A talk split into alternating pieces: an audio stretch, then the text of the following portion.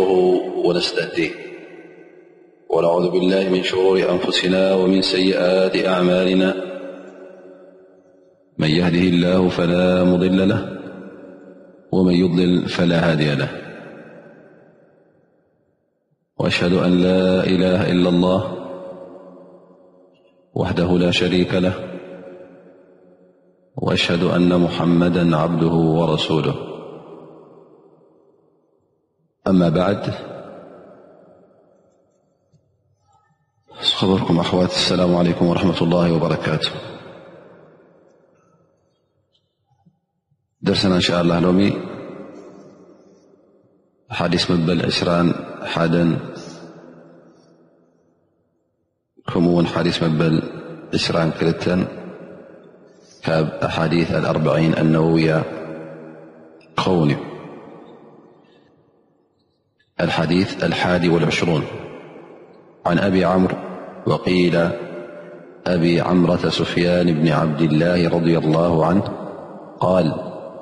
قلت يا رسول الله قل لي في الإسلام قولا لا أسأل عنه أحدا غيرك قال قل آمنت بالله ثم استقم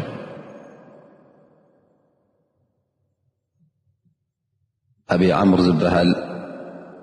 ወይ ኣቢ ዓምረተ ዝበሃል ሓደ ካብቶም ብፆት ነቢና ሙሓመድ ለ ላ ለ ወሰለም ንነቢና ሙሓመድ ለ ላ ለ ወሰለም ከምዚ ኢሉ ይዛረቦም ያ ረሱላ ላ ብዛዕባ እስልምና ሓንቲ ነገር ንኻልእ ሰብ ክሓታ ዘይክእል እስኻ ውን ጥራይ እትምልሳ እስኪ ንገረኒ ሓንቲ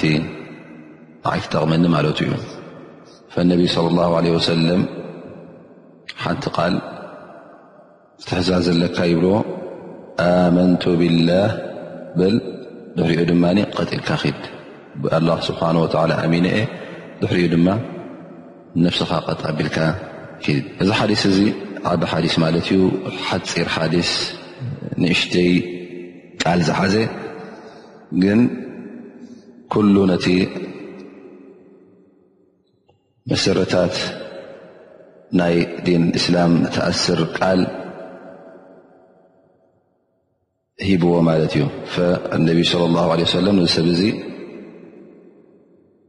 በታ ኢማኑ ቐጥ ንኽብል ኢማኑ ሒዙ ንክኸይድ ከምኡ ውን በቲ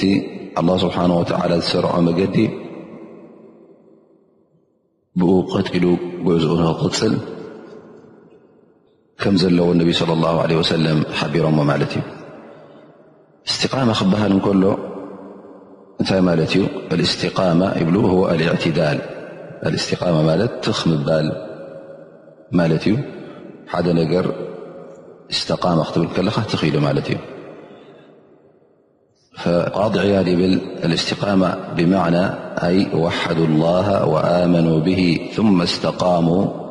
فلم يحيدوا عن التوحيد والتزموا طاعته سبحانه وتعالى إلى أن توفوا على ذلك مالت ن الله سبحانه وتعالى حلق مخان آمن ከምኡ ውን በቲ ብድሕሪኡ እውን በቲ ኩሉ ትእዛዛቱ ቀጢሎም ክኸዱ ከለዉ ካብቲ ተውሒድ የማን ፀጋም ከይበሉ ካብ ትእዛዛት ኣላ ስብሓን ወተዓላ ፈልከት ኢሎም ከይወፁ ክሳዕ ዝሞቱ ኣብዚ ዝቐፀሉ እነልካ ደኣሲ እዚ እቲ እስትቃመ ዝበሃል ይብል ማለት እዩ ላ ስብሓን ወላ የቁሉ ፊ ክታብ ዓዚዝ ቁርን ኣላ ስብሓን ወላ ይብል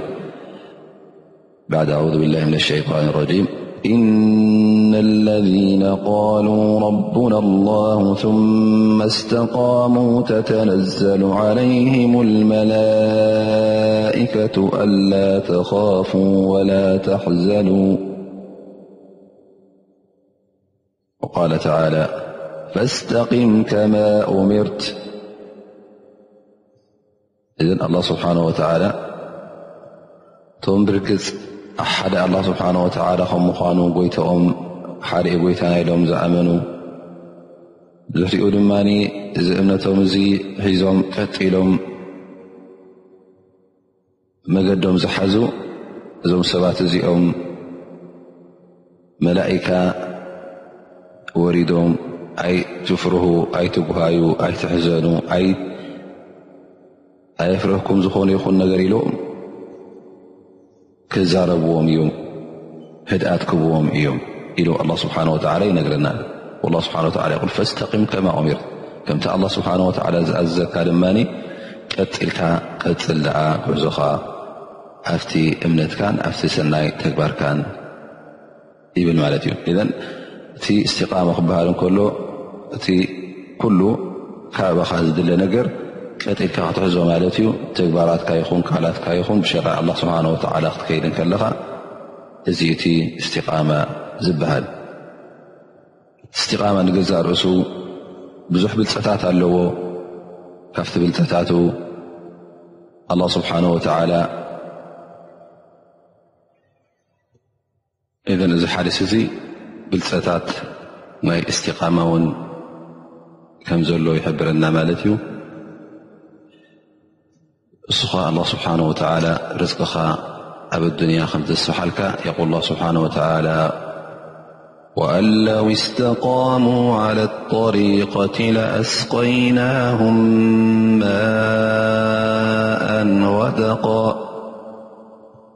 ባሮተይ ኣብቲ ቁኑዕ መገዲ ቀጥ ኢሎም ከይዶም ነይሮም ተዝኾኑ እዚ ዘይበሃል ማይ ሂብና መውረድናሎም ነርና እሱ ከዓ እቲ ማይ እውን ቀንዲ ርዝቅን ቀንዲ ሽሻይን ስለ ዝኾነ ኣላ ስብሓን ወተላ ኣብዚ ኣያ እዚኣ ጠቂስዎ ማለት እዩ ስለዚ እነቢ ለ ላ ለ ወሰለም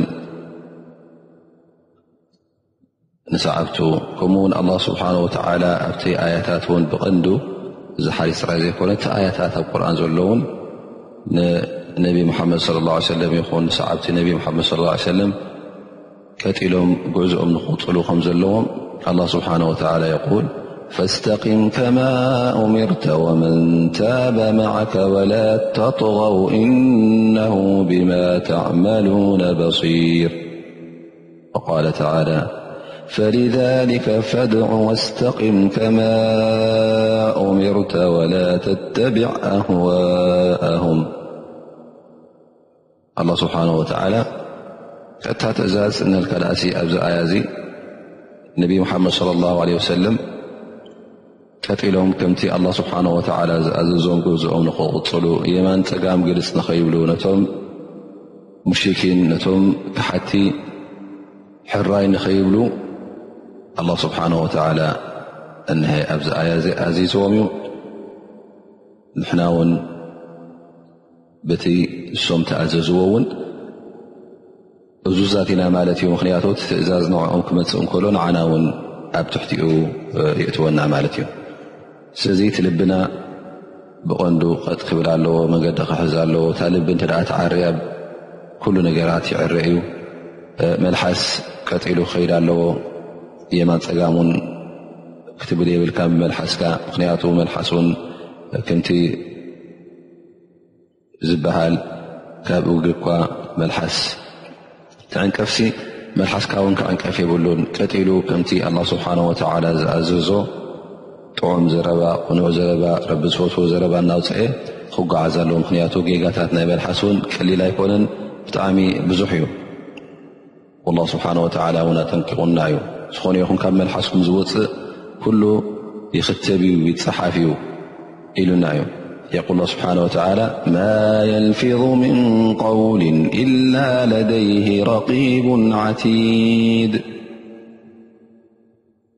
ዝኾነ ይኹን ካብ መልሓስካ ዝወፅእ ኢለን ኣላ ስብሓን ወተዓላ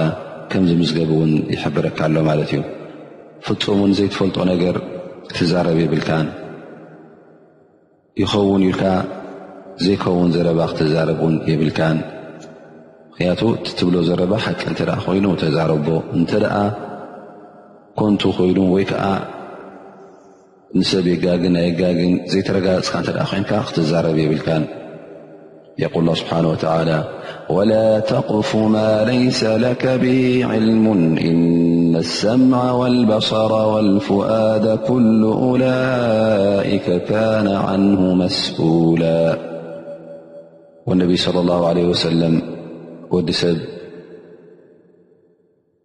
ኣለዉ ካብ መልሓሱ ዝወፅእ ዘረባታት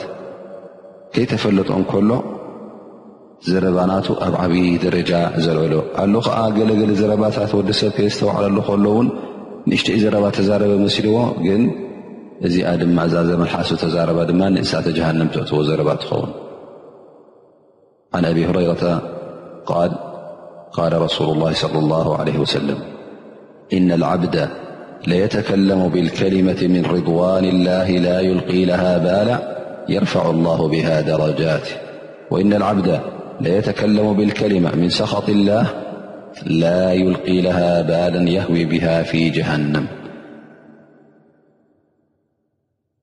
ስለዚ ጉዳይ ናይ መልሓስ ትዛረቦ ቃላት ቀሊል ኣይምሰልካ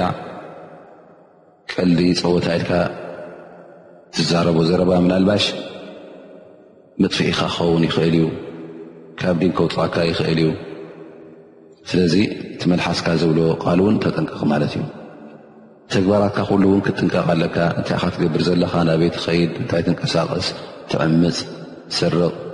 ትጉንፅ ይካደ ኣለካ ወይስ መገዲ ኣላ ሒዝካ ትኸ ከም ዘለካ ግብርካ ውን ኩሉ ቕኑዕ ክኸውን ኣለዎ